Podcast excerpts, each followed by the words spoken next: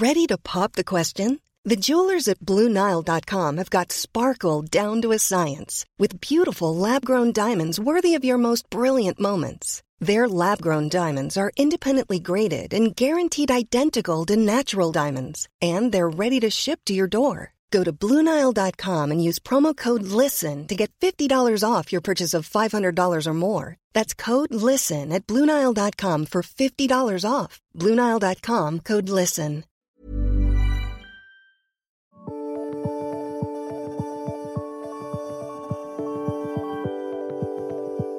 Vi er i dag nødt til å tenke på hvordan skal vi hjelpe entreprenøren til å levere den beste og mest kostnadseffektive løsningen, og samtidig også ha, en viss bunnlinje sjøl, noe som vi vet er utfordrende. Eh, og ikke bare byggherren. Fordi entreprenøren har i dag også blitt vår kunde. Altså, jeg tror at Oslo kommer til å være en spydspiss når det gjelder bærekraftig bysamfunn. Det er ikke alt som er perfekt, men ambisjonene er der, og viljen til å gjennomføre er der.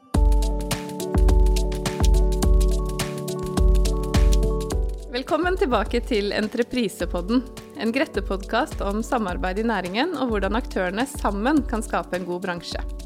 Temaet i dag er rådgiverens rolle i bygg og anlegg.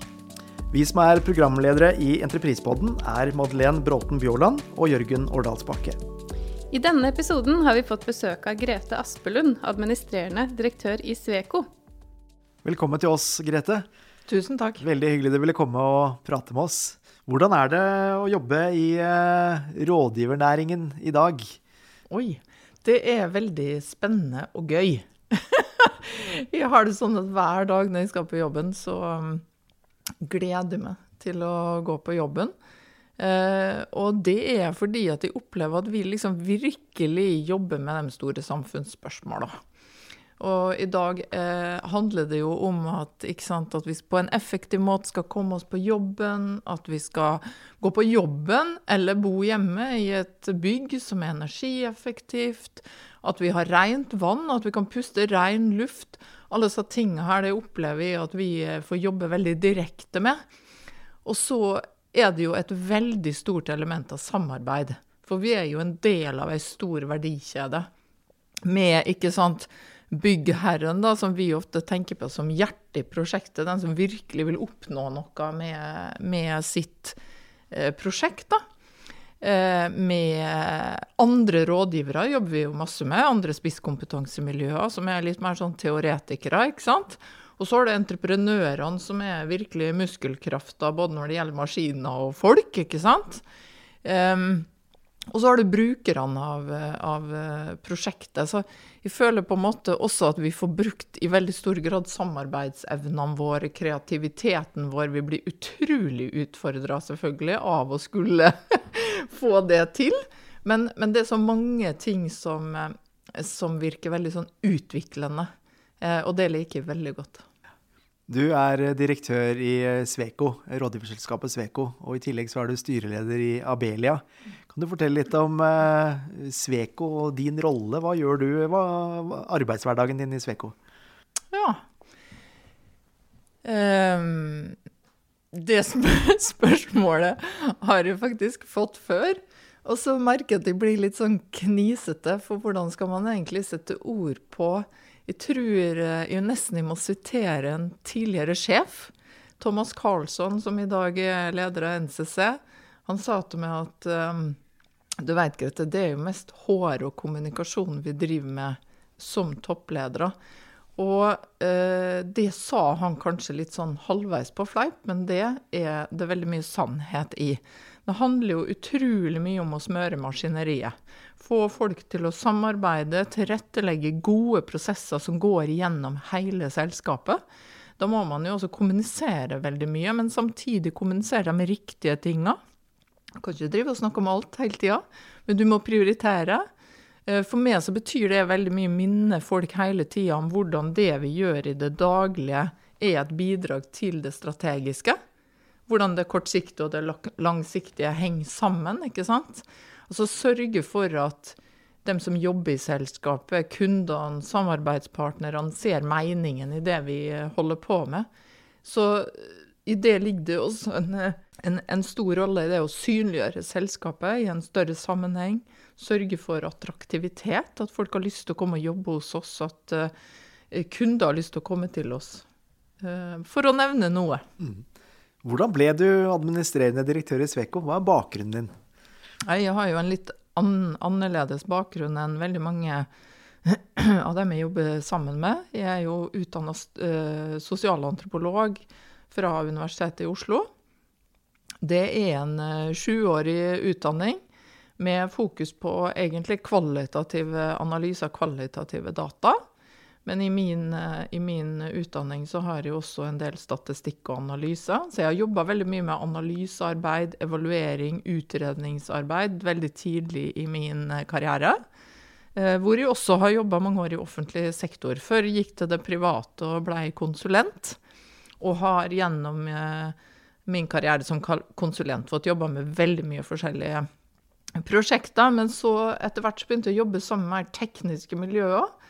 Og det eh, likte jeg veldig godt, fordi at jeg så at i det flerfaglige der, så hadde vi veldig mye å eh, hva skal vi si, tilføre hverandre. Og i dag, i den rollen jeg har i dag, så ser jeg jo det veldig godt. Altså det med en helhetlig tilnærming til prosjekter, eh, til eh, verdien som vi skal skape. Eh, det opplever vi jo fortsatt at vi må gjøre i enda større grad, og er veldig nødvendig. Og den flerfaglige tilnærmingen, den er jeg jo veldig opptatt av, da. Sveko er jo et stort konsern og har en viktig påvirkning av markedet. Hvordan ser du på den rollen? Ja, Sveko er jo et børsnotert selskap på, på Stockholmsbørsen. Vi er nærmere 18 000 ansatte i dag i, i, Europa. Og det er klart at vi har en stor betydning for hvordan vår bransje utvikler seg. Eh, hvilke problemstillinger vi velger å ta tak i, hvem vi velger å være i den eh, konteksten. Mm. Og det ser jeg på som et stort ansvar. Eh, jeg ser på det som en stor mulighet. Eh, dere vet når vi tegner opp de store trendene som former samfunnet vårt, så har vi en tendens til synes jeg, å snakke om det som noe negativt, noe som truer oss. Endring truer. Men for oss som rådgivende ingeniører så er det veldig så mye en mulighet.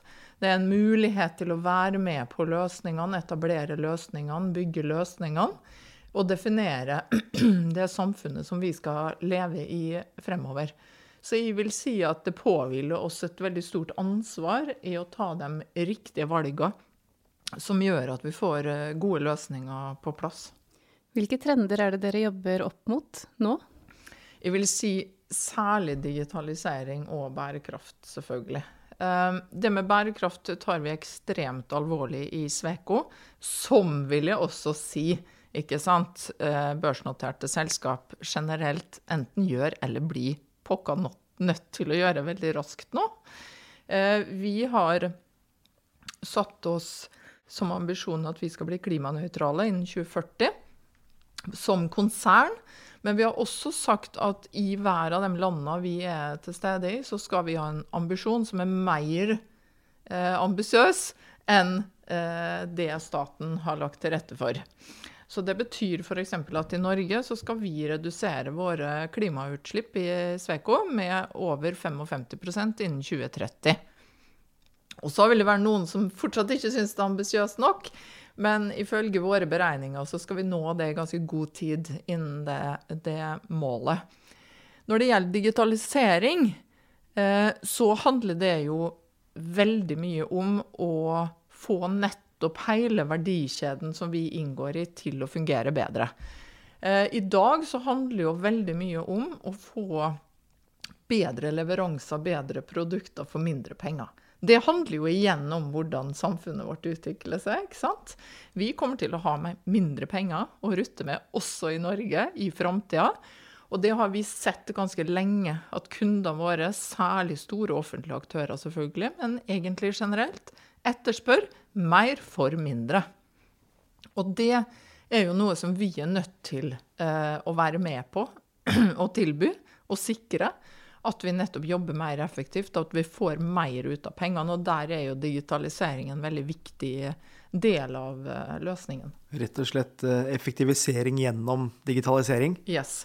Og også det der, for meg er det veldig viktig at eh, digitalisering skal også bidra til bærekraft. Det skal sikre de løsningene som gjør ikke sant, at vi skal ikke være 40 %-bransjen eller en del av 40 %-bransjen lenger, som står for 40 av utslippene. Vi, vi, skal være en av de bransjene som går foran, tar ansvar, og, og sørger for at, uh, at vi leverer eh, hele verdikjeden leverer på en mye mer bærekraftig måte enn i dag. Si litt, Du nevnte klimanøytrale og målet deres om å, å, å, være klimanøytrale. Hva ligger i det? Hvilke tiltak må dere gjennomføre for å få til det? Hovedsakelig så handler det om Det høres kanskje litt enkelt ut, men eh, når det gjelder våre egne utslipp, så handler det om, hovedsakelig om hvordan vi kommer oss til og fra jobben. Hvordan vi forflytter oss når vi er på jobb og hvilke bygg vi bor i. Eh, altså hvilke bygg vi har kontor i. Eh, og da veldig grovt sett. Og så kan du legge til noen sånne ting som hva vi spiser i kantina og slike ting. Men det her har vi etablert klimaregnskap for, de store postene. Eh, vi måler nå helt ned på gruppenivå. Hvis du jobber i Sveko, så er du uansett land, men eh, også i Norge, da, del av en gruppe med en sånn 10-20 medarbeidere. Vi kan per i dag måle utslipp per gruppe. Eh, og har satt oss da konkrete mål. Jeg blir målt på det. Som leder av Sveiko Norge så blir jeg målt på hvordan vi greier å vise progresjon i henhold til vår eh, strategi og plan da på, på utslippssida. Så vil jeg legge til at vi forstår veldig godt at det kommer ikke til å holde at vi bare måler våre egne utslipp. For det som virkelig betyr noe, kanskje, i den store sammenhengen, det er jo hva vi bidrar til med vår rådgivning. Men det er jo et utrolig mye vanskeligere regnestykke. Eh, så derfor så har ikke vi definert den eh, mål og metoden, hvordan vi skal håndtere det enda, Men det er et arbeid som pågår hos oss. Og hvor jeg tror også vi kommer jo til, nå til å få veldig drahjelp gjennom EUs uh, taksonomi, ikke sant? Som, som kommer nå fra med 2021. Mm. Du er inne på dette med leveransene og rådgivningen dere gir.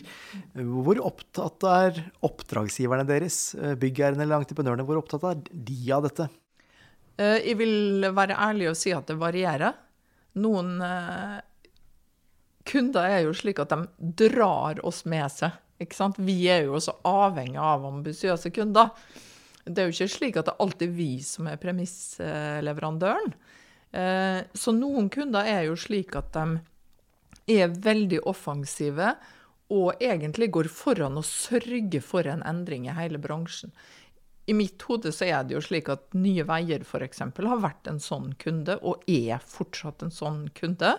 Både når det gjelder innkjøpsmetodikken, men også klimaambisjonen. Jeg tror vi kommer til å se det samme fra Statens vegvesen.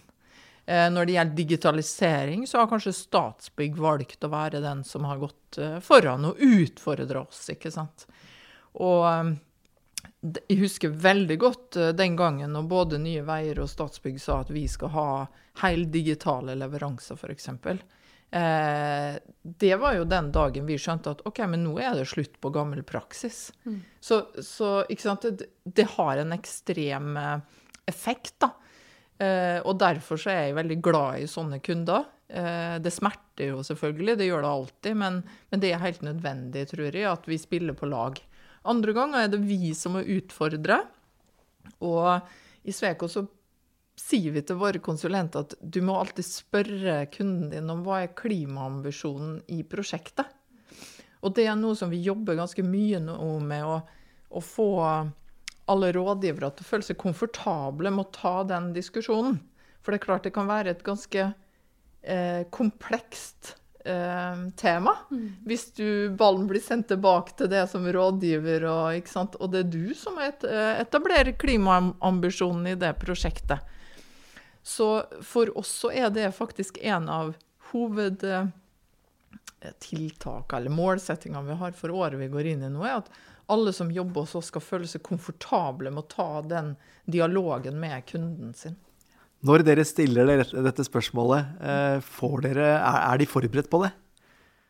Det er nok veldig forskjellig. Du må huske på at vi, vi har mange tusen kunder. Og det er jo alt fra små prosjekter for små norske kommuner, veldig dagligdagse ting, til liksom store, ambisiøse nasjonale satsingsprosjekter. Så for noen er det helt naturlig. Eh, mens for andre så, så, er ikke det den måten man jobber på enda. Og det tror jeg er viktig å innse også som, som Norge, da. Eh, for vi som jobber mye med dette, her, vi kan jo bli litt blenda og tro, at det alle er jo nå selvfølgelig veldig oppmerksom på, på at vi må bygge bærekraftig, men, men slik er det jo ikke. Mm. Og det kan man jo se. Det vet sikkert dere mye om. altså Bare ved å se på hvordan anskaffelser foregår i dag, så ser vi jo det at klimahensyn eh, ikke nødvendigvis er en del av eh, de kriteriene på, på anskaffelsessida litt grovmasket først, eh, men eh, klimahensyn og bærekraft, er det dyrere å ha det som et eh, element i prosjektet? Eller blir det faktisk også effektivt ved å tenke på klimapåvirkning og finne effektive løsninger?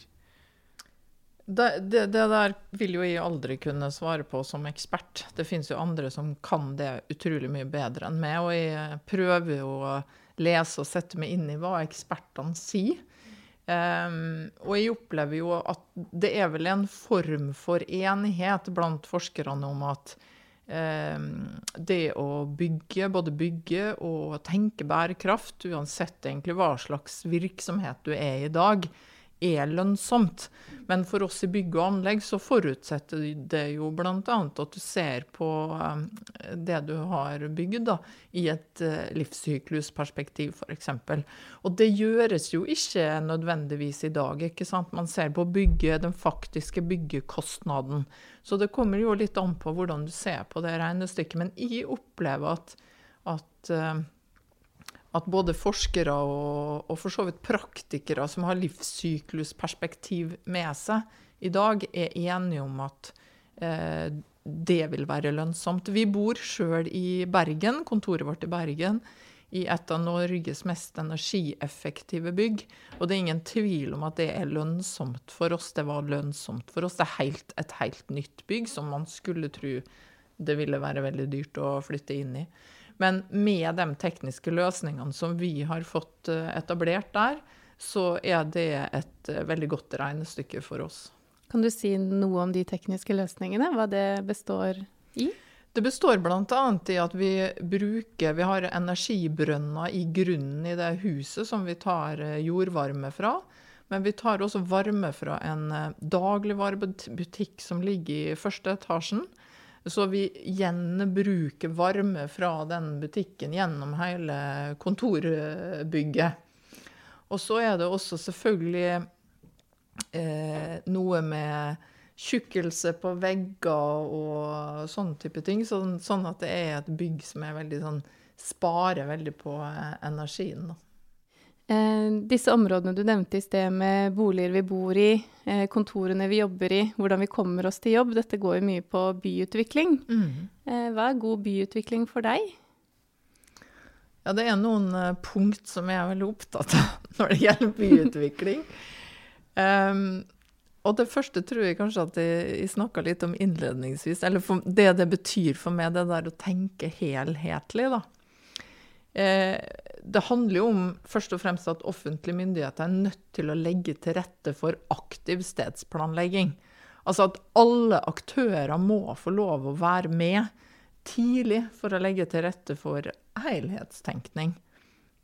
Og det gjelder jo for hele byggeprosessen, men det gjelder også for bruken av bygninger, og det gjelder for områder, nettopp i et sånt livssyklusperspektiv. Det betyr at brukerne må få lov å være med også ikke, sant? ikke bare rådgiveren og entreprenøren og byggherren, men du må tenke mye større. Du må kjenne konteksten. Eh, så er det et annet punkt som vi også er veldig opptatt av. Det at vi må jo innse realiteten. Vi er nødt til å bo tettere i framtida. Og boliger det må nødt til å ligge ved eh, ligge i byer eller i knutepunkter. Jeg registrerer at mange nå stiller spørsmålstegn ved fordi vi har fått koronaen. Vil alt dette da bare elimineres? Det tror ikke jeg. Det tror jeg vil, vil se på som forbigående. For det, den trenden med at folk flytter til by for å ha jobb, f.eks., og bo i nærheten av å kunne altså samles rundt eh, multifunksjonelle områder, da, det tror jeg er en veldig sterk trend. Altså nettopp det at vi må kunne bo, vi må kunne jobbe, vi må kunne trene, levere i barnehagen, mm. eh, gå på skole og handle uten å forbruke for mye ressurser. Altså den trenden, den liksom kjører over eh, den der koronaen kommer til å se ut som en bump in the road i forhold til det, tror jeg. Har du noen eh, steder i Oslo som du kan trekke frem, der det har vært god byutvikling? Å ja, jeg syns jo vi har sett mye spennende rundt Torgata og området der, hvis dere tenker på hvor ja, jeg vil jo si nærmest ubehagelig det var å gå der eh, bare for noen år siden. I dag har jo det blitt et veldig sånn, det jeg vil kalle sånn, liksom multikulturelt område, da, som også er multifunksjonelt. Eh, hvor du kan gå på bar, men du kan også handle, og ungene dine kan helt trygt leke seg mm. litt ute i gata der mens du tar en kaffekopp. Og, eh, det syns jeg er et veldig godt eksempel. Eh, så syns jeg det nye vi har fått i Bjørvika, er veldig spennende. Jeg tar meg jo sjøl i å gå litt rundt der og så oppdage noen nye ting hver gang. Og så syns jeg det har vært ganske, ganske interessant å være med på utviklingen. Altså hvor ufattelig lang tid det har tatt det syns jeg også er en litt sånn læring for oss som Vi må tåle å stå i det, da. Mm. Altså som nasjon, egentlig. Eh, fra en litt sånn kanskje kompleks start, kranglete start, og så til du ser noe hvor, hvordan det liksom forandrer hele Oslo. Det er altså Oslo har fått en ny dimensjon med Bjørvika-området, og vi vil fortsette å få det i mange år fremover. ikke sant? Og hvordan de små tinga bare sånn som Det kan virke kanskje litt mye stein og sånn, men så får det noen år på seg, og så begynner det grønne å vokse frem, og sjøen kommer inn, ikke sant. Og det fylles med folk, det fylles med turister. Vil gjøre igjen, ikke sant, når vi kommer oss over eh, pandemien her.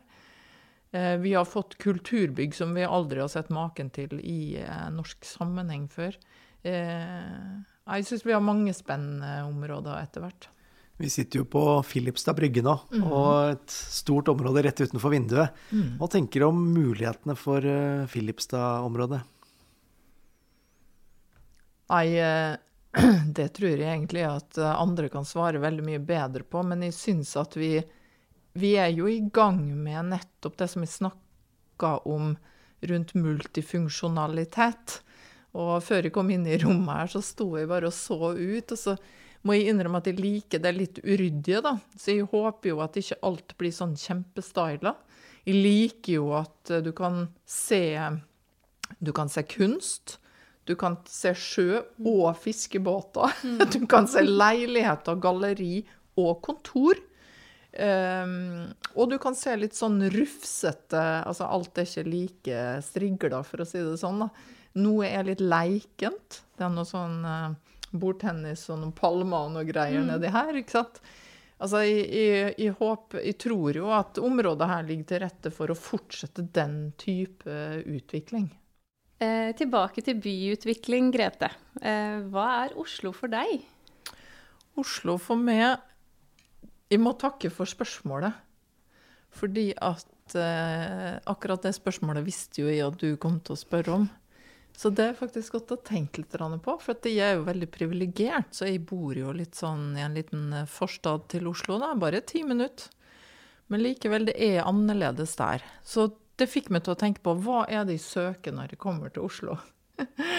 og for meg så er det faktisk veldig mye inspirasjon. Jeg liker å komme til Oslo for å bare gå litt og se på de nye stedene. Mm. Vi kan dra på Grünerløkka for å på en søndag gå i noen butikker, for de har faktisk noen søndagsåpne butikker der, og drikke kaffe sammen med noen venninner. så få den innspoen. Og så kan jeg dra ned til Bjørvika for ikke sant, gå på Deichmanske, og jeg gleder meg jo ekstremt til å få uh, besøkt det nye Munch-museet etter hvert.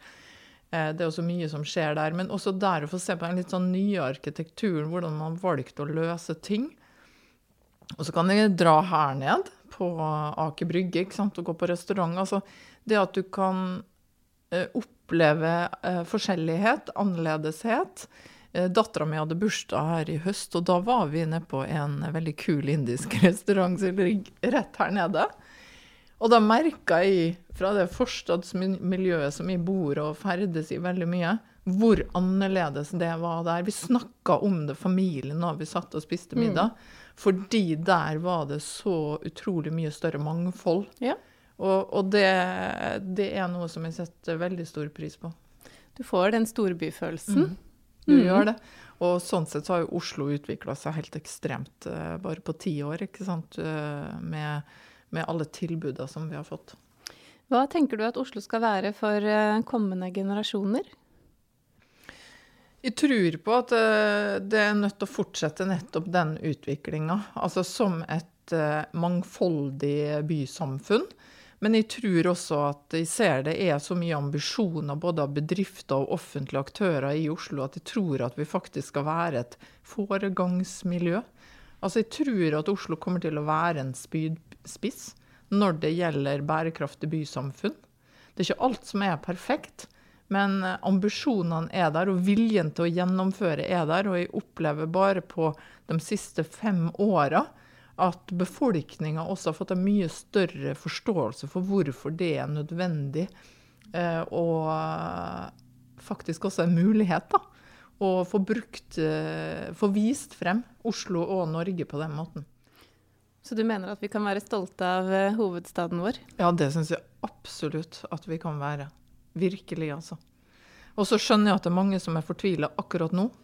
Fordi at eh, Eh, det kommer sikkert til å bli diskusjoner etter koronaen hvor næringsvennlig eller fiendtlig den eh, koronapolitikken har vært.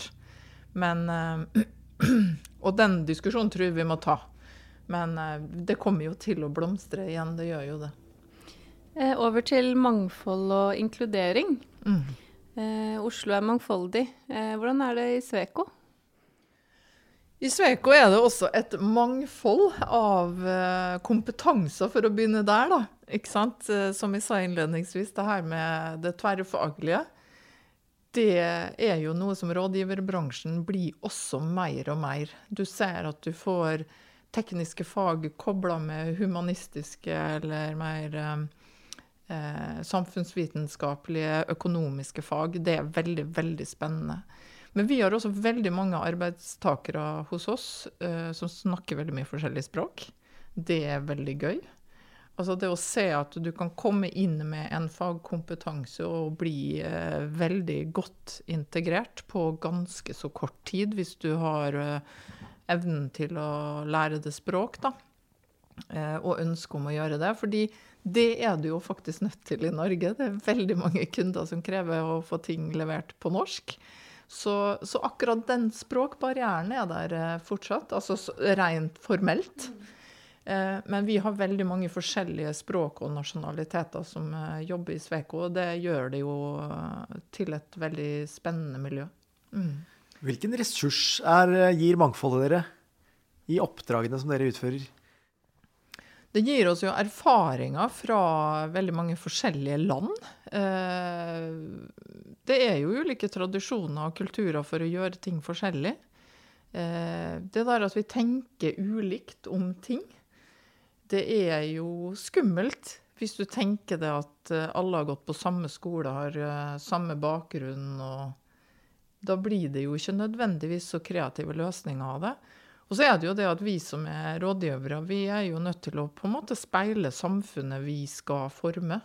Fordi vi Og da, vi må jo på en måte nesten ha sjøl mye av den mangfoldigheten som vi skal møte ute, for å lage eh, gode løsninger. Det handler også om kjønn. Eh, jeg er jo veldig opptatt av eh, at vi skal ha kjønnsbalanse i både i, i selskapet vårt, men ikke minst i ledelsen vår. Eh, og det opplever vi også er noe av nøkkelen her, at eh, vi er nødt til å ha balanse i det vi gjør, da. Hvorfor er det så viktig? Det er viktig nettopp av den årsak at vi mennesker vi er forskjellige, så det er en del av hele mangfoldsargumentet. Vi må ha forskjellige øyne, forskjellige tanker og visjoner om, om, det vi skal være med på å lage. Og så er det jo det at vi vet ganske mye i dag om at mangfold også gir lønnsomhet. På akkurat samme måte som vi snakka om bærekraft og grønne løsninger som eh, lønnsomme løsninger, så er det jo slik at vi vet at løsningene blir bedre eh, hvis vi har eh, sammensetning av ulike kompetanser og bakgrunner og erfaringer i, i, det vi gjør. Det er også miljøet som folk trives veldig godt i. Er det mange jenter som søker seg til Sveko? Jeg må bare spørre, for det er ikke så mange jenter som jobber i bygg- og anleggsbransjen. Nei. Bransjen som samla sett vil jo si har en kjempestor utfordring i det her. Nå er jo vi som rådgivere vi er jo bedre stilt enn eh, entreprenørene der. Um, det har litt med alder å gjøre.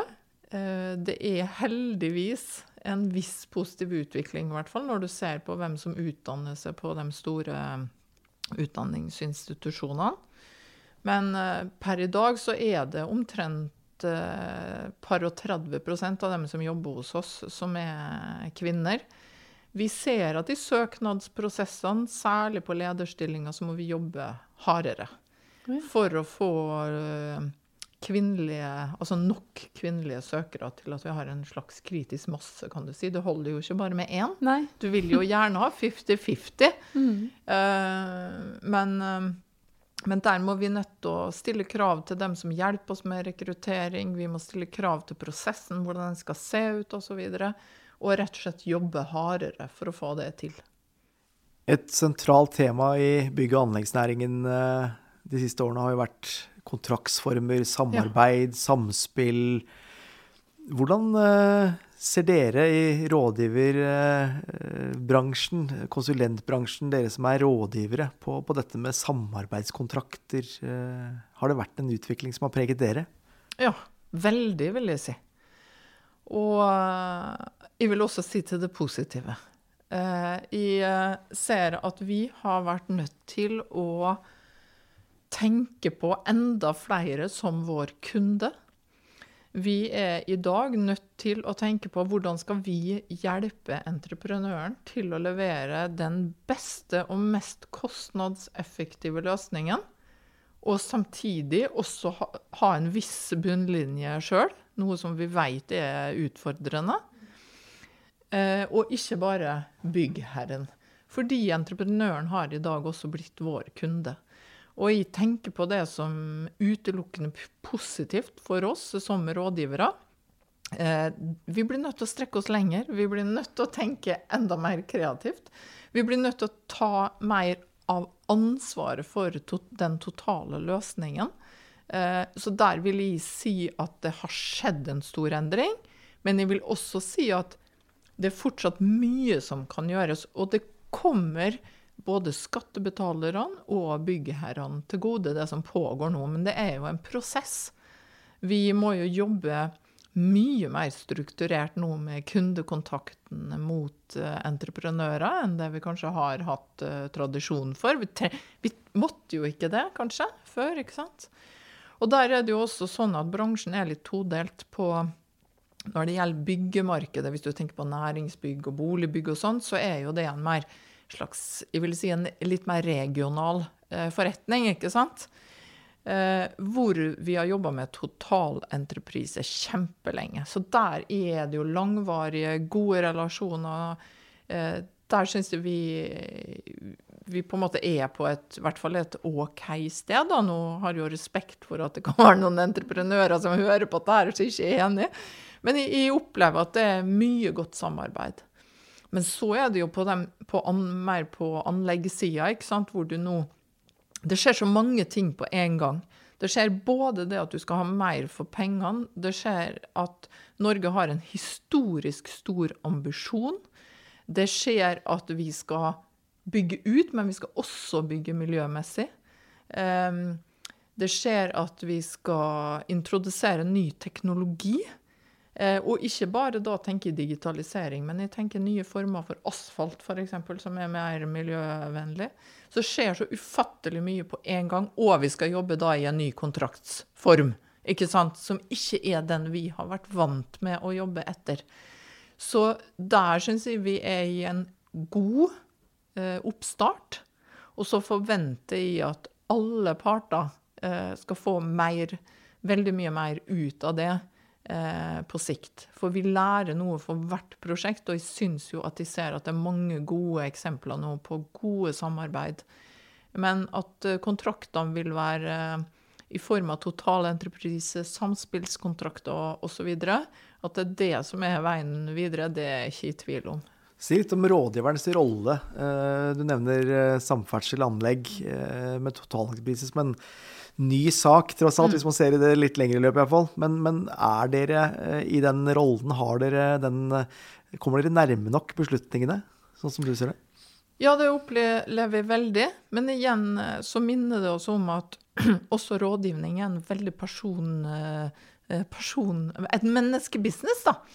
Eh, for det er klart at det trigger jo den måten å jobbe på, trigger jo rådgivere som syns samarbeid er spennende, som syns det er gøy å bli utfordra, eh, som liker å jobbe på den måten, da. Um, og ikke bare kanskje få lov å jobbe mer for seg sjøl med et uh, teoretisk problem, ikke sant. Så, så, vi ser jo også at vi er nødt til å plukke de profilene som trives i sånne settinger i, i å jobbe i den type prosjekt. Og vi blir jo da, for å være veldig konkret, da, så er det jo slik at det holder jo ikke at byggherren ikke sant, er fornøyd. Entreprenøren skal jo være i hvert fall fornøyd. For det er jo han som egentlig er, er kunden vår, ikke sant? Og det å hjelpe dem da til å kunne levere Én ting at de må levere det de har sagt de skal levere, men kanskje helst enda bedre. Og da når jeg sier bedre, så mener jeg selvfølgelig sluttproduktet for brukeren må, og kunden må være bra, men, men det, vi er jo nødt til å tjene penger. Altså vi skal jo ha en det er også bærekraftig. ikke sant? Den bransjen her må nødt til å ha en viss bunnlinje for at vi skal kunne investere i ny kompetanse, i ny hardware, ikke sant. Um, så jeg er veldig opptatt av at uh, vi må greie som rådgivere da, å forstå det. At det er også vår rolle å være med på den forandringen.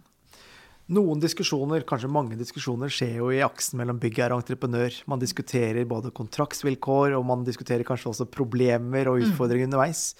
Er rådgiveren i tilstrekkelig grad til stede i de diskusjonene? Godt spørsmål. Altså, jeg må jo si at uh, i min rolle så har noen av de aller største uh, utfordringene nettopp vært sånne situasjoner. Um, og det er jo sikkert heller ikke for mye å si at, at vi, har, vi, bærer jo en historie med oss, vi har en tradisjon med oss hvor rådgiveren og entreprenøren ikke alltid har vært i samme båt, ikke sant? Um, det er ikke nødvendigvis maktbalanse der. Det er også sånn at en del kontraktsformater som vi har jobba etter, har vil jeg si, skjøvet helt uforholdsmessig stort ansvar og risiko over på entreprenøren. Slik at det er vanskelig i den settingen å få til en god dialog. Så, så jeg tror ikke jeg vil svare noe sånn veldig sånn bastant på det spørsmålet, men, men at vi i enkelte situasjoner kan bli skjøvet på sidelinja, men at det, sånn er det jo også. For det er ikke vi som sitter med den største risikoen, kanskje. Altså, jeg ser at det er mange Det kan være mange hensyn å ta der. Men jeg opplever at det er nettopp det vi jobber med nå. da. At vi jobber med å øke bevisstheten på at vi sitter i samme båt. At vi har felles ansvar for eh, det som skal leveres til slutt. Og at eh, vi nettopp med vår kompetanse og kapasitet kan være med på å designe de beste løsningene både for entreprenøren og for, eh, og for byggherren. Du, vi har jo snakket om eh, bærekraftige løsninger og, og også dette viktige klimaaspektet. Er det ting som dere må utvikle på egen hånd, eller opplever dere at byggherrene og entreprenørene vil betale for det gjennom oppdragene dere utfører? Det er jo faktisk en av hovedutfordringene med digitalisering, sånn som vi ser det nå. Det er jo at uh, At det er vi som betaler for det. uh, og der uh, vrir vi jo hodet vårt, da. Fordi at vi jo Vi blir jo helt nødt til å se på forretningsmodellen vår for hvordan vi skal kunne fortsette å peise så mye ressurser inn i digital utvikling som, som ingen Altså, det blir jo på en måte litt feil å si at de ikke er villige til å betale for det. Men, men det handler jo om at standarden for hva som skal leveres, har på en måte blitt heva. Forventningene har blitt uh, hevet, rett og slett. Så, eh, så, det er et spørsmål som vi eh, bruker ganske mye tid på å diskutere, faktisk. Mm. Vi har jo lagt bak oss 2020. Mm. Hva har det året lært deg? Det har lært meg veldig mye om kriseledelse. Og beklager hvis vi nå skulle liksom få et sånn veldig optimistisk svar på det spørsmålet. Men men jeg, jeg, opplever at uh, jeg har virkelig blitt satt på prøve i uh, 2020. Jeg håper at uh, mine kollegaer, medarbeidere og kunder vil si at de har, at de har bestått den prøven.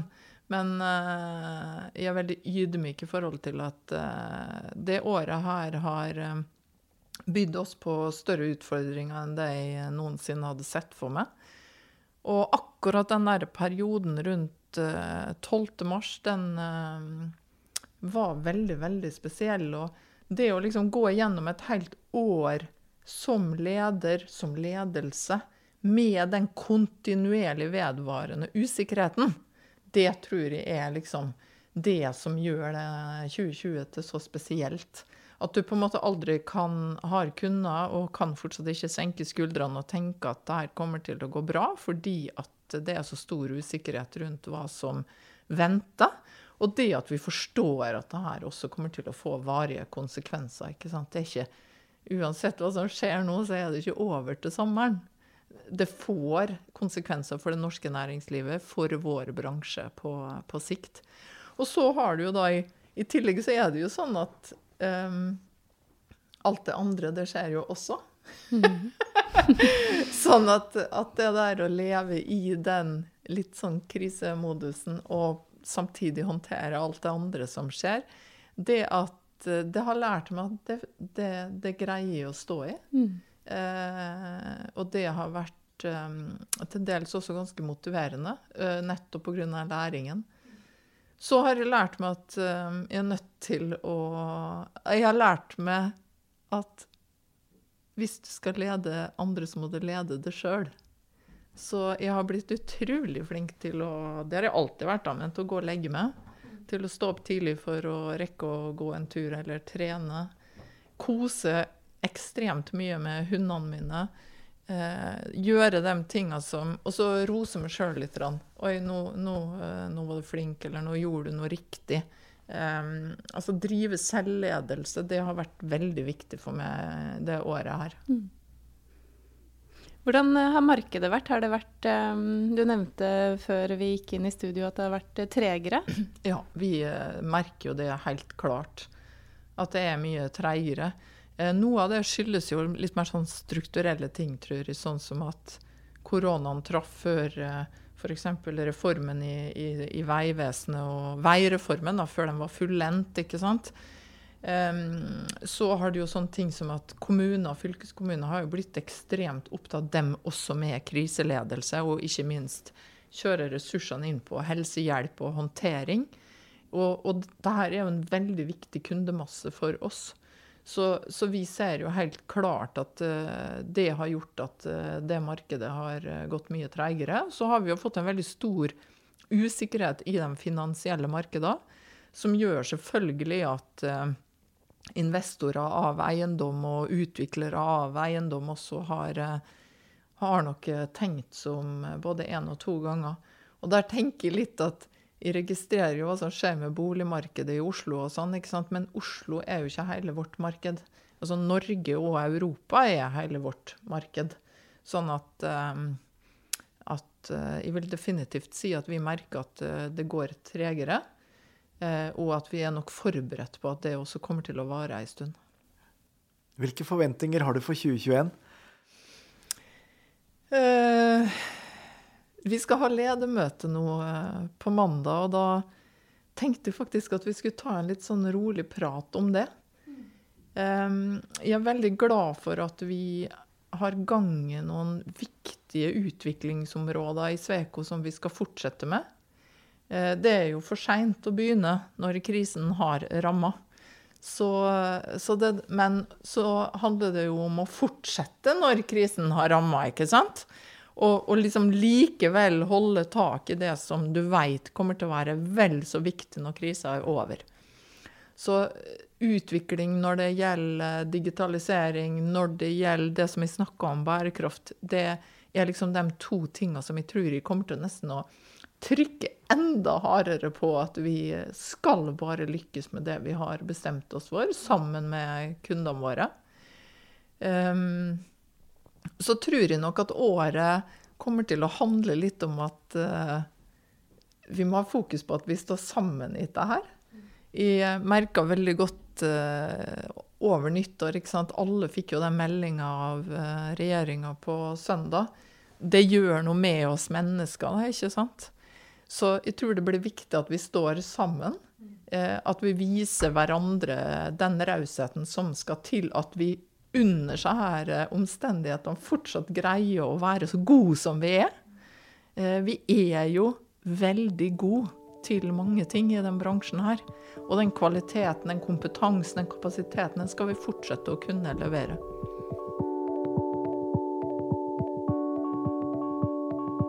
Grete, vi har eh, noen faste spalter i Entreprisepodden, og den første er ukas tvist.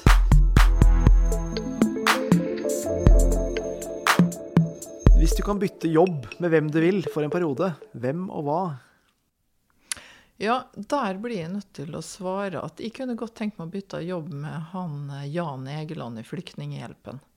Han synes gjør en, da har han alltid gjort en fantastisk jobb, eh, men han har gjort en ufattelig viktig jobb. Og med alt det som skjer på kloden vår nå, så greier jeg nesten ikke å tenke meg noe viktigere enn det å vise solidaritet og hjelpe mennesker som er på flukt. Den andre spalten, Ukas drømmeprosjekt. Grete, her har du frie tøyler. Hva er ditt drømmeprosjekt? Ja, da tror jeg jeg skal velge med noe som er veldig sånn eh, lokalt og, og eh, hva skal jeg si, nært akkurat nå. Jeg bor jo på Bekkestua. Og der frustrerer det meg noe så helt ekstremt, fordi der bygges det noe helt enormt på alle kanter samtidig. Og så eh, er det noe med trafikkavviklinga der som er helt fullstendig bak mål. Eh, det er utrolig at det ikke har gått med verken menneskeliv eller dyreliv. Ehm, så jeg ville stengt av trafikken gjennom Bekkstua sentrum. Det er ubegripelig for meg hvorfor man skal måtte kjøre bilen sin de 200 meterne der. Og så vil jeg nok ha tatt en liten kvalitetssjekk på om man har tenkt helhetlig planlegging på hele Bekkestua sentrum, og så prøvd å redde det som går an å redde. I forhold til de prinsippene som jeg nevnte innledningsvis, har alle mulige målgrupper fått vært med her og sagt litt om hvilke ønsker og drømmer de har for Bekkestua sentrum? Eh, har vi tenkt flerfunksjonelt? Ehm, og har vi sikra at eh, vi bygger for framtida. Byutvikling, men passe på at det er eh, hyggelig å leve der mens det skjer. Helt riktig. Som takk for eh, at du kommer til oss og deltar på um, Entreprisepodden, så ønsker vi å gi deg en bok. Og da har du ønsket deg 'Det uferdige huset' av Lars Amund Våge. Og den ønsker vi å gi deg i dag, så vær så god. Tusen takk. Kan du si noe om hvorfor du ønsket deg den? Det var fordi at i jula så har jeg lest Jeg, jo, jeg er veldig glad i å lese bøker. Jeg er med i en eh, boksirkel som har lest 110 bøker i løpet av den perioden vi har holdt på sammen, som er veldig lenge, da.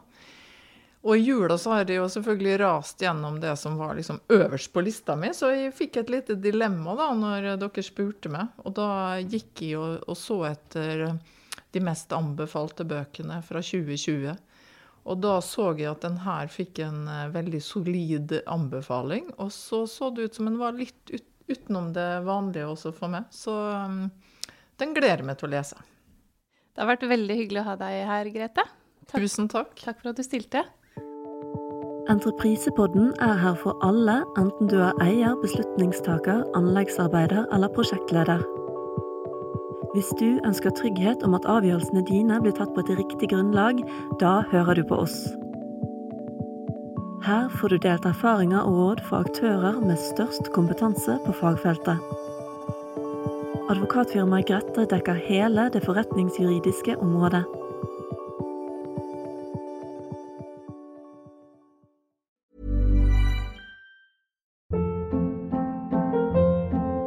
Hold up. What was that? Boring. No flavor. That was as bad as those leftovers you ate all week. Kiki Palmer here, and it's time to say hello to something fresh and guilt-free. Hello Fresh. Jazz up dinner with pecan-crusted chicken or garlic butter shrimp scampi. Now that's music to my mouth. Hello Fresh. Let's get this dinner party started. Discover all the delicious possibilities at hellofresh.com.